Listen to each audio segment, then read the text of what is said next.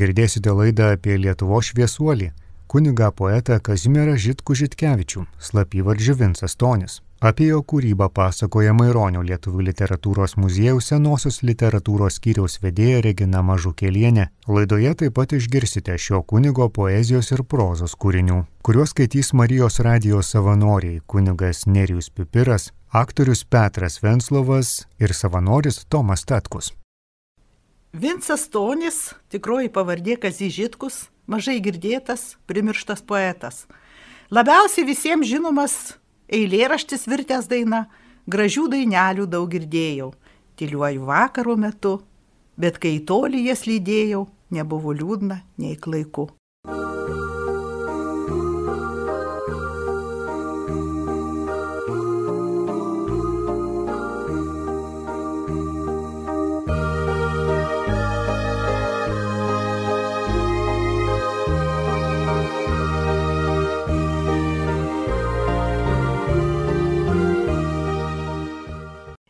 Gimė Kazyžitkus 1893 metais Vabalninkė.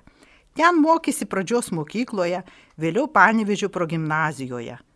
Jau 14 metų būdamas pradėjo rašyti eilėraščius, daug skaitė. Eilėraštį vasaros vakaras parašė 15.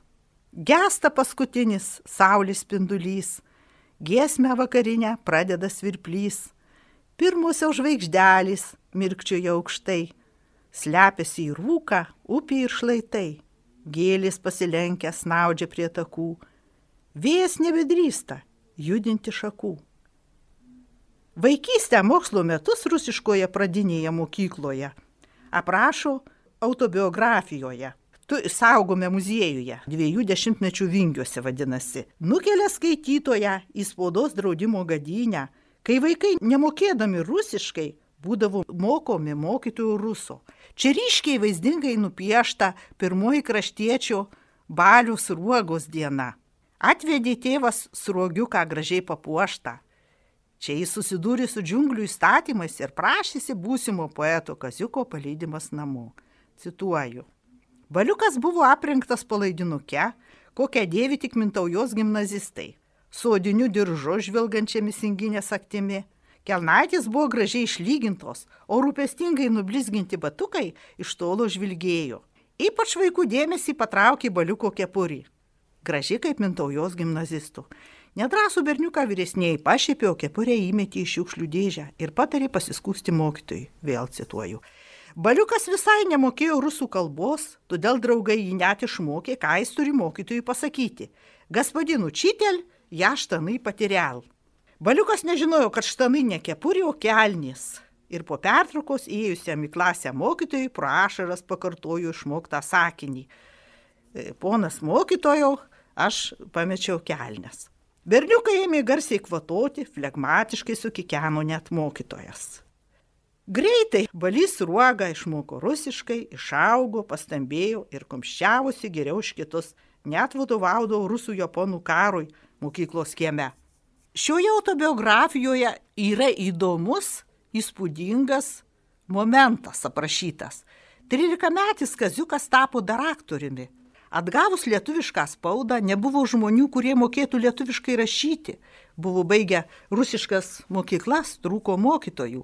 Klebonas Antanas Bizauskas įtikino Kaziuko tėvus, kad jis tiktų mokytojauti, nes metus buvo mokęsis lietuviškai ir baigęs rusišką pradinę. Inkūnų kaime, Jono Kalkio sodyboje, jaunas mokytojas, vaikas tiesiog mokė vienmečius ir už save vyresnius berniukus ir mergaitės lietuviškai. Drausmę palaikė ūkininkas. Galima įsivaizduoti mokinių tėvų minas, pamačius tokį mokytoją, tačiau sekėsi gerai. 1911 metais spaudoje pasirodė pirmieji lėraščiai. Poetinių slapyvardžių pasirinko Šatrijos raganos apysakos herojaus vardą Vincas Stonį. Toje apysakoje berniukas Vincas Stonis myli tėvynę, domisi literatūra, istorija, jis moko kitus vaikus. Toks buvo ir Kazys Žitkus. Įdomus prozos puslapiai - atsiminimai apie Maironį ir seminariją. Būsimasis klierikas Kazys Žitkus pirmą kartą Maironį pamatė 1911 metais. atvykęs į Kauną. Sekė Maironį lipantį link smakalnį, žvelgiantį žemynį santaką, sėdinti ant solelio, aprašė pirmą paskaitą. Atsiminimai tokie ryškus, pilni įdomiausių detalių, žmonės asistoja kaip gyvi prieš akis, su silpnybėmis, įdomis, nenusaldinti, bet su pagarba rodomi. Pasakotojas beveik nesikiša, neprakiša savęs, tai puikus memoarinės prozos puslapiai. Kaip tie atsiminimai atsirado muziejuje gilų sovietmetį. Kolegės Pranciška Ginevičiūtė, Marija Macijauskenė rinko medžiagą apie Maironį, bendravo su jį pažinojusiais žmonėmis. Vincas Tonis, raginamas muziejininkių, parašė puikius prisiminimus. Kaip Maironis gyveno Vašokėnuose su seminarijoje, kaip šventi kūčia su klerikais, kaip švesdavo užgavinius. Rektorius globojo tuos auklėtinius, kurie rašydavo, pieždavo, muzikuodavo. Vincas Tonis buvo poetas ir dar buvo muzikalus, dainuodavo su klerikais liaudės dainas. Varonis girdavo jaunojo kleriko eilėraščius. Dar vienas įdomus puslapis, kaip tuose atminimuose apie Maironį pasakojama, nupiešimas galbūt tas seminarijos gyvenimas. Štai pirmakursių kambarys, dormitoriumas, kuriame gyveno 13 žmonių. Kartą pamokų ruošos metu susiginčijo suvalkėtis ir žemaitis, juodam žinai ginčydavosi. Cituoju, ką tik pradėdavo suvalkėtis teikti, žemaitis čia pat viską paneigdavo. Šiuo kartu jie buvo užkliuvę už Galilėjo ir rimtai sprendė žemės sukimusi problemą. Suvalkėtis buvo Galilėjo pusėje ir pateikė visą glėbį argumentų žemaičiui, kad žemė sukasi. Žemaitis užsikirto ir gana, pasidalino ir visas kambarys į dvi grupės. Ir vieni palaikė suvalkėti, kiti žemaitį. O žemaitis vis kartojo, žemė stov ir kvailas mato, kad žemė stov. Suvalkėtis jau nie juokais ėmė jaudintis. Prišoko visai arti prie žemaičių ir jį už rankus paėmė. Tuo tarpu žemaitis padarė tokį vikrų judesį, kad suvalkėtis išsitiesi grindyse. Žemaitis į kelių prirėmė. Na, o dabar kaip žemė stov ar sukas. Paleisk žemaitį kukutį, tegu bus tavo viršus, tovi žemė. Kambaryje kilo neapsakomas juokas ir triukšmas. Ir niekas nematė, kad durise pasirodė rektorius Maironis. Tai čia dabar jau nebecituoju peštu, kaip pašoko, rektorius juos išsivedė ir nebaudė, tik liepė pasimelsti ir pasibučiuoti. Šmaištus prozos gabaliukas iš ties.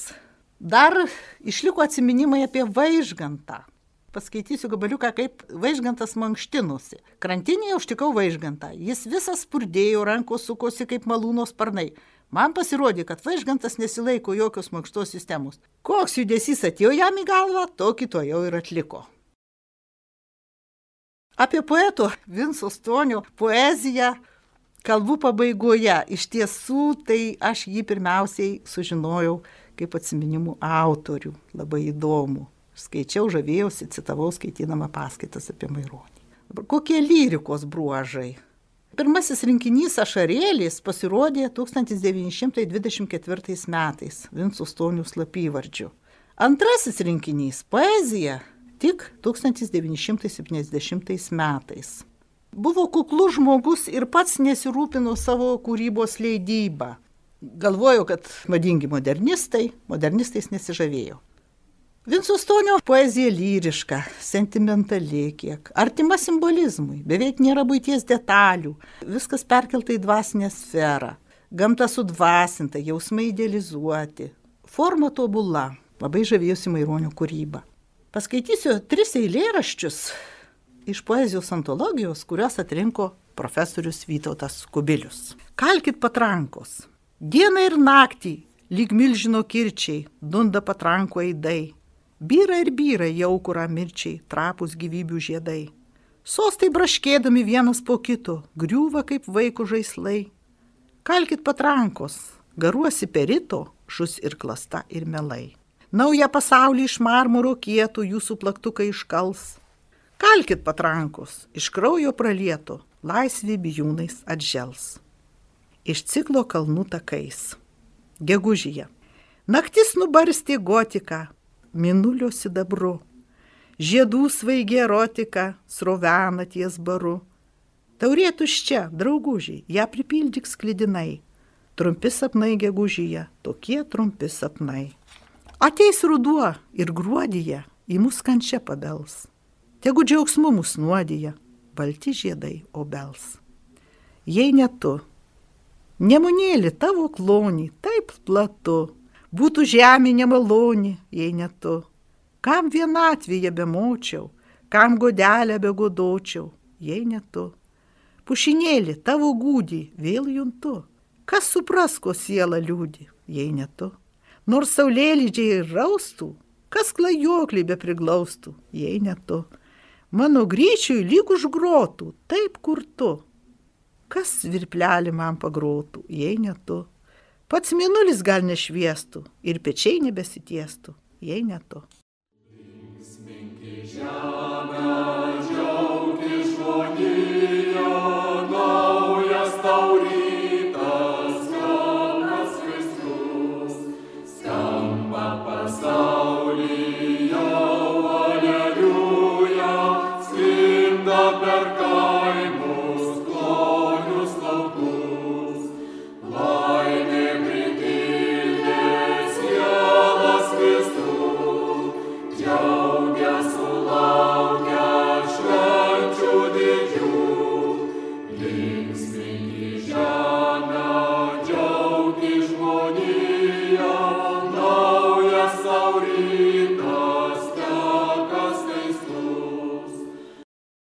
kunigo Kazimiero Žitkaus Vinco Stonio pamokymai vaikams tinka ir suaugusiems. Kas yra Dievo apvaizda? Dangų, žemę ir visa, kas tik yra, padarė Dievas. Mes sakome, Dievas yra dangaus ir žemės sutvėrėjas. Dievas visą sutvėręs nuolat rūpinasi savo sutvėrimais. Ypač Dievas globoja žmonės, nes jis yra geriausias mūsų tėvas. Dievas yra dangaus ir žemės sutvėrėjas. Dievą vadiname dangaus ir žemės sutvėrėju, nes jis padarė dangų, žemę ir visą, kas tik yra. Dievas visą gali padaryti, ką tik nori. Dievas yra visagalis. Mes melžiamės, tikiu Dievą Tėvą visagalį, dangaus ir žemės sutvėrėję. Dievas visada buvo ir visada bus. Dievas yra amžinas. Dievas yra visur danguje, žemėje ir kiekvienoje vietoje. Nors Dievas yra visur, bet mes jo nematome. Dievas yra dvasia. Dievas visą mato ir žino. Jis žino net mūsų mintis. Mes Dievą matysime, kai nueisime į dangų, kurie jo rūpinimasi sutvėrimais vadiname Dievo apvaizdą. Mūsų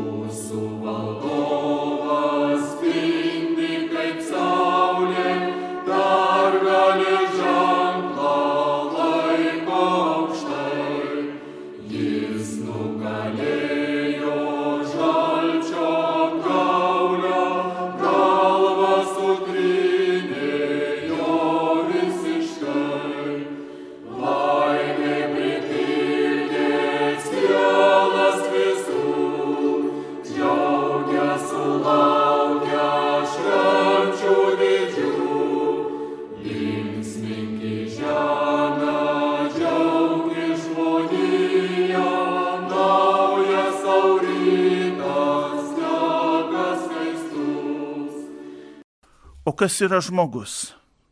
Žmogus - kilniausias Dievo sutvėrimas žemėje. Jis turi ne tik kūną, bet ir sielą.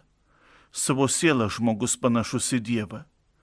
Dėka protingos savo sielos žmogus daug ką sugalvoja. Nusibosta žmogui vaikščioti pėsčiam, jis važiuoja arkliu. Nori dar greičiau važiuoti, sėda į traukinį ar automobilį ir lekia kaip vėjas Net padangėmis jis gali lėktuvu paskraidyti. Daug nuostabių dalykų žmogus prasimano. Nieko sugalvoti negali gyvuliai ir kiti sutvėrimai, nes jie neturi sielos. Savo sielą žmogus skiriasi nuo gyvulio. Kas yra Jėzus Kristus?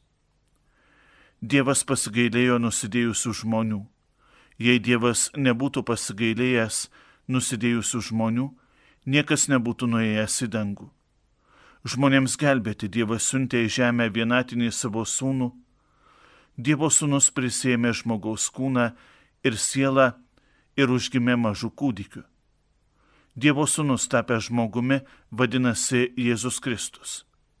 Jėzus Kristus yra kartu Dievas ir žmogus. mes melžiamės. Tikiu Jėzų Kristų vienatinį jo sūnų mūsų viešpatį. Dievas išganytoje pažadėjo pirmiesiems tėvams rojuje. Daug, labai daug metų žmonės laukia išganytojo. Kaip žmonės laukia išganytojo, mums primena adventas. Jėzus Kristus yra geras, nes nepasmerkė nei vieno, ypač to, kuris gailisi dėl savo nuodėmių. Tu gyvybė mano, bet tavęs mirtis, tu stiprybė mano, bet tavęs žūtis. Tu linksmybė mano, bet tavęs vargai, Jėzau noriu būti tavo amžinai. Dievas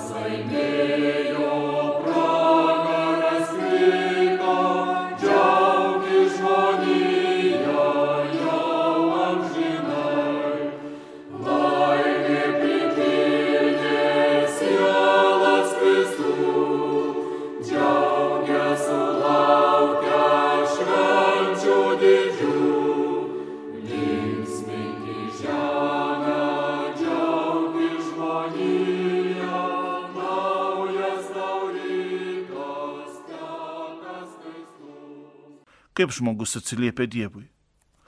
Žmogus atsiliepia tikėdamas ir melzdamasis. Bažnyčioje Dievo garbė kiekvieną dieną laikomos pamaldos. Gražiausios pamaldos esti šventadieniais. Šventadienio pamaldos daugelįje bažnyčių prasideda ankstyvosiomis mišiomis. Pirmosios ankstyvosios mišios vadinasi primarija.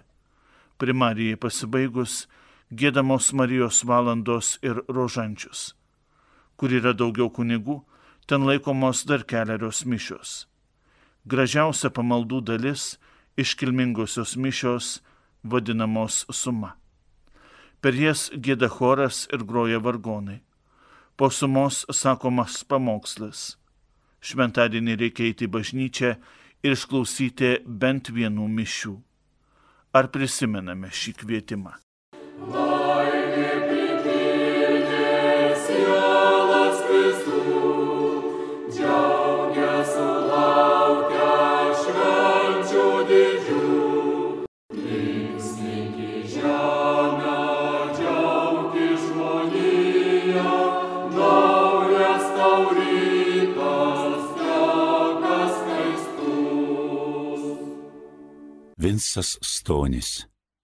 Kazimieras Žitkus Žitkevičius, kunigas ir poetas. Mano tėviškė. Mano tėviškė tu mėla, kai pavasaris svaigus, paviliojo mano sielą, tavo žemė ir dangus.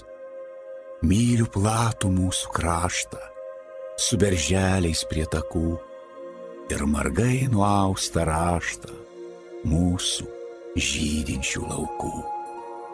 Myliu triūsiantį artoją, pudimėlį tarp vagų, kurs nekartą suvaitoja, naštą vildamas vargų, surų prakaitais braukia, nuo įkaitusios kaktos, be dainelės popalaukia, jam skardena nuolatos.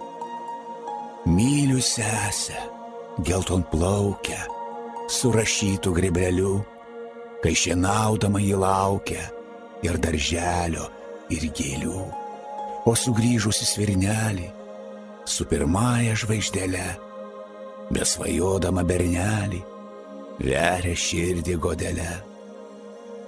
Mano tėviškė tu mėla, kai pavasaris svaigus paviliojo mano sielą, tavo žemė ir dangus.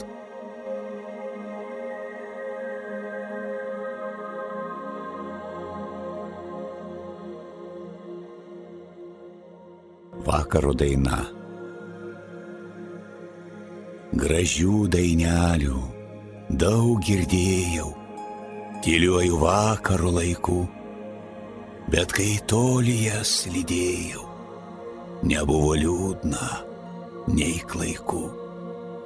Tik vieną dainą vakarinę, širdis pamilo man karštai ir neberimstų, kol aušrinę už tem nubrėkšdami rytai. Gaili jį buvo, kaip gegutis, graudingos raudos, tylumoj, švelni, kaip čiulbesiai lakštutis, žalia miškelį, sutemoj. Visi kalnai ir kloniai gaudė, nuo jos svaiginančios gaidos, ir vakarai ugnim nuraudę, taip nežiūrėjo niekados.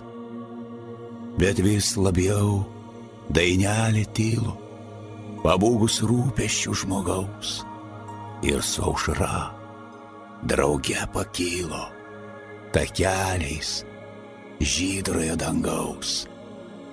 Erdvių gilybėn į paniro, tarytum laimė prarasta o man nulinko, man nusvyro kančių sukaustyta kakta.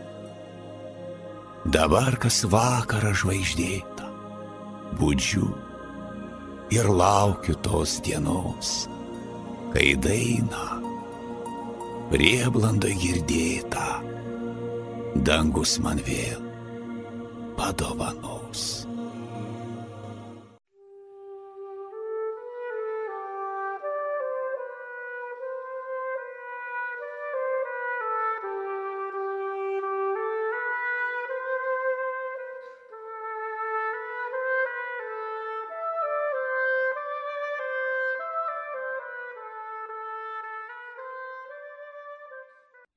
Vyturėliui.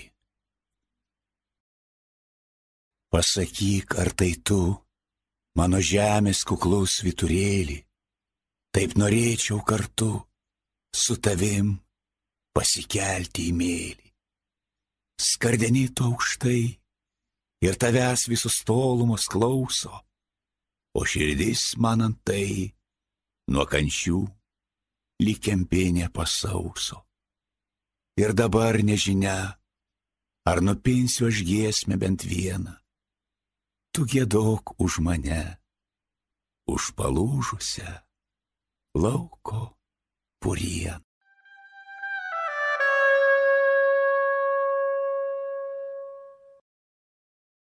Debesėlis.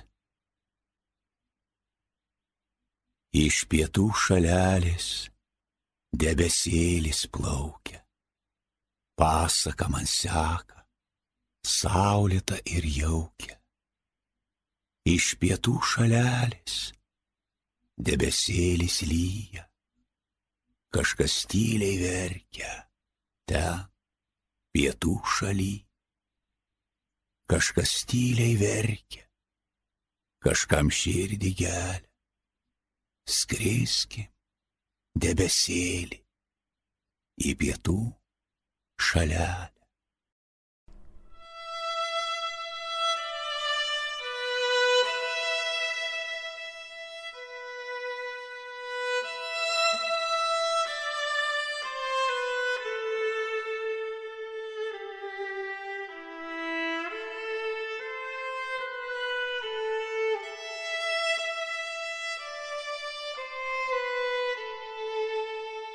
laiveliu ranka ir klus paleido. Naktis tokia rami, dangus virš mano veido, dangus po manimi. Ir aš kaip meteoras, plaukiu erdvę, plaukiu, šviesių žvaigždelių choras, su manimi sikiu. Širdis nustojo plakti, savęs nebejuntu dangau, palik man naktį su žvaigždėmis kartu.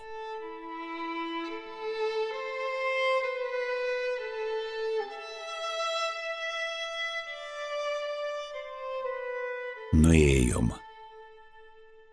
Atėjom ir nuėjom, su meilė ir daina. Ir viskas rodos buvo akimirka viena.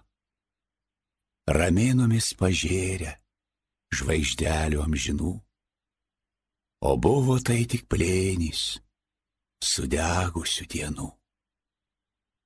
O buvo tai tik rasos, šiltos pavakarės, pro mus į žemę kreitę, iš grįžulo taurės. Atėjom ir nuėjom, skausmingai ar linksmai. Ir buvom tik trumpučių akimirkų žaismai. Kanauninkas Kazimieras Žitkus. Susitikimai su Vaižgantu. Visas mano 1914 m. vasaros atostogas lydėjo šviesus Vaižganto paveikslas, bet greit jį gerokai užgožė prasidėjęs pirmasis pasaulinis karas. Pats Vaižgantas, globodamas karo pabėgėlius, pasitraukė į Rusiją. Frontas, persiritęs per visą Lietuvą, nukirto visokius saitus su Rusija ir mes nieko nebežinojome nei apie karo pabėgėlius, nei apie patį Vaižgantą. Tik 1918 metais, karui einant į pabaigą, pabėgėliai ėmė grįžti į savo kraštą. Nugirdome, kad ir Vaižgantas sugrįžo į Lietuvą ir apsigyveno Vilniuje. Manie vėl atgyjo susidomėjimas Vaižgantu. Dabar jau panorau su juo susipažinti ir sueiti į artimesnį kontaktą. Tokia galimybė netrukus man pasitaikė. Vaižgantas 1920 m. pradžioje iš Vilniaus persikėlė į Kauną. Čia jis buvo paskirtas taip vadinamosios Vytauto bažnyčios rektoriumi. Bažnyčia visą karo metą buvo be jokio šeimininko ir buvo patekusi į avarinę būklę. Naujasis jos rektorius visų savo temperamento karštumu ėmėsi bažnyčią tvarkyti. Viduje ir laukia bažnyčia pasipuošė stelažais, užvirė intensyvus remonto darbas. Tada aš jau buvau baigęs dvasinę seminariją ir šančiuose ėjau vikaro pareigas. Vieną kartą atvykęs iki Rotušės aikštės, užėjau ir į Vytauto bažnyčią pasižvalgyti. Žiūriu, bažnyčios išorė visai padoriai aptvarkyta ir jokių stelažų jau nebesimato. Einu į vidų ir ten remontai baigti. Bažnyčios sienos ir lubos jau išdekoruotos, tik dar kvepia dažais ir juntama drėgmė. Pastatytas ir didysis altorius su didžiuliu paveikslu. Bažnyčios grindis plauna kelios moterėlės, o iš vieno bažnyčios kampo vienas vyras tempia į lauką paskutinėsias stelažo lentas. Vaižgantas, dingtelėjo man mintis ir aš instinktyviai užlindau už bažnyčios pilioriaus. Mano spėliojimas buvo teisingas. Pliumtelėjo žemė nublokšta lenta ir pasigirdo traškus balsas.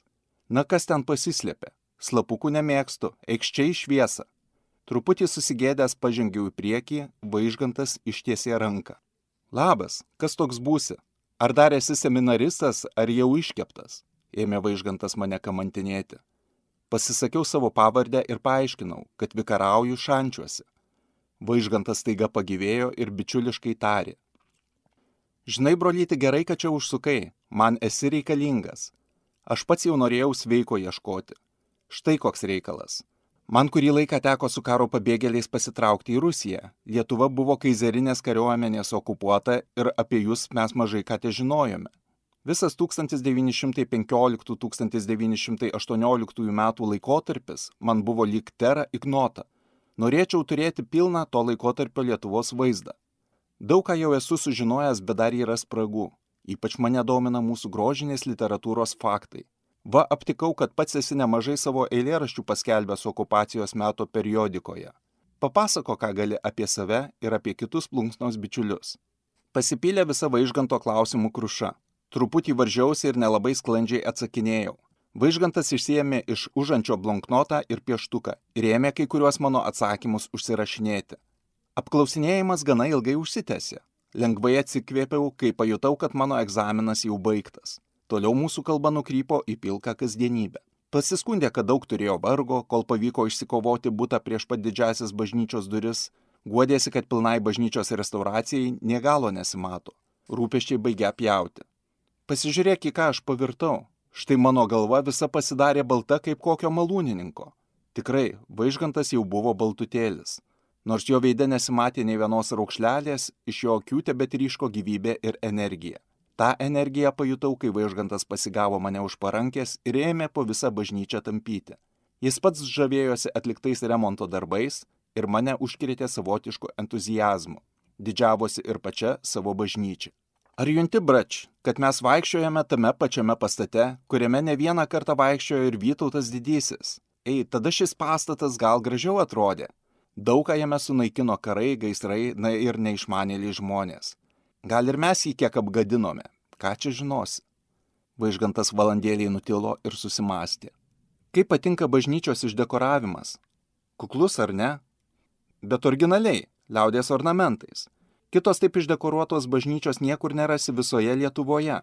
Suburiau apie save visus Kauno menininkus. Jie daug man patarė ir padeda. O matai, kokį didžiajam altoriui paveikslą man nutapė Petras Kalpokas? Galėtų pavydėti pats Andriolis. Paveikslas tikrai atrodė įspūdingai. Viršutinėje jo dalyje tarp debesų ir angelų matėsi Marija. Apačioje buvo nupiešta upės pakrantė su žmonių bureliu ir vos nulaikomų žirgų. Paveikslas, kaip matai, originalus, tęsė vaižgantas. Jame galima ir dangų, ir žemę rasti. O tas žirgas, kaip jis puikiai dailininkui nusisekė. Vertas žirgas pagarbos, kuris mūsų kunigaikštį Vytautą didįjį išnešė iš pavojų. Be to mūsų liaudis mėgsta žirgus, tegul ją žirgas džiugina ir bažnyčioje. Vaižgantas nutilo. Man pasirodė, kad aš per ilgai užtrukau bažnyčioje ir jau norėjau atsisveikinti, bet vaižgantas dar mane sulaikė. Padalyvauk mūsų bažnyčios atidarimo iškilmėse, Už dviejų savaičių, rūpiučio mėnesio 15 dieną ją pašvesime. Kunigas Dambrauskas Jakštas pasižadėjo visas pašventimo ceremonijas atlikti. Gaila neturime vargonų, bet ir be jų išsiversime. Žada mums pagroti specialiai susiorganizavęs nedidelis simfoninis orkestras. Žada taip pat pagėdoti ir mūsų vokalistai. Pasirodys su religiniais numeriais Petras Oleka, Vlada Grigaitienė, Vincija Jonuškaitė, o gal ir pats mūsų Kipras. Atvyk į mūsų iškilmes ir pasinaudok retą progą. Padėkojau vaižgantui už pakvietimą ir atsisveikinau. Deja, mano pareigos šančiuose man neleido vaižganto kvietimu pasinaudoti. Tik girdėjau, kad iškilmės praėjo labai įspūdingai ir buvo sutelkusios didžiulę žmonių minę.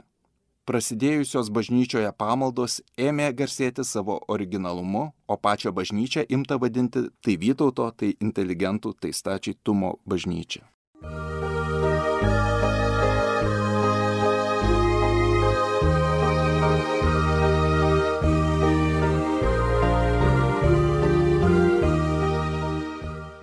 Girdėjote laidą apie Lietuvo šviesuolį, kuniga poetą Kazimierą Žitkų Žitkevičių, slapyvardžių Vincas Tonį. Kalbėjo Maironio Lietuvų literatūros muziejaus senosios literatūros skyriaus vedėja Regina Mažukėlienė.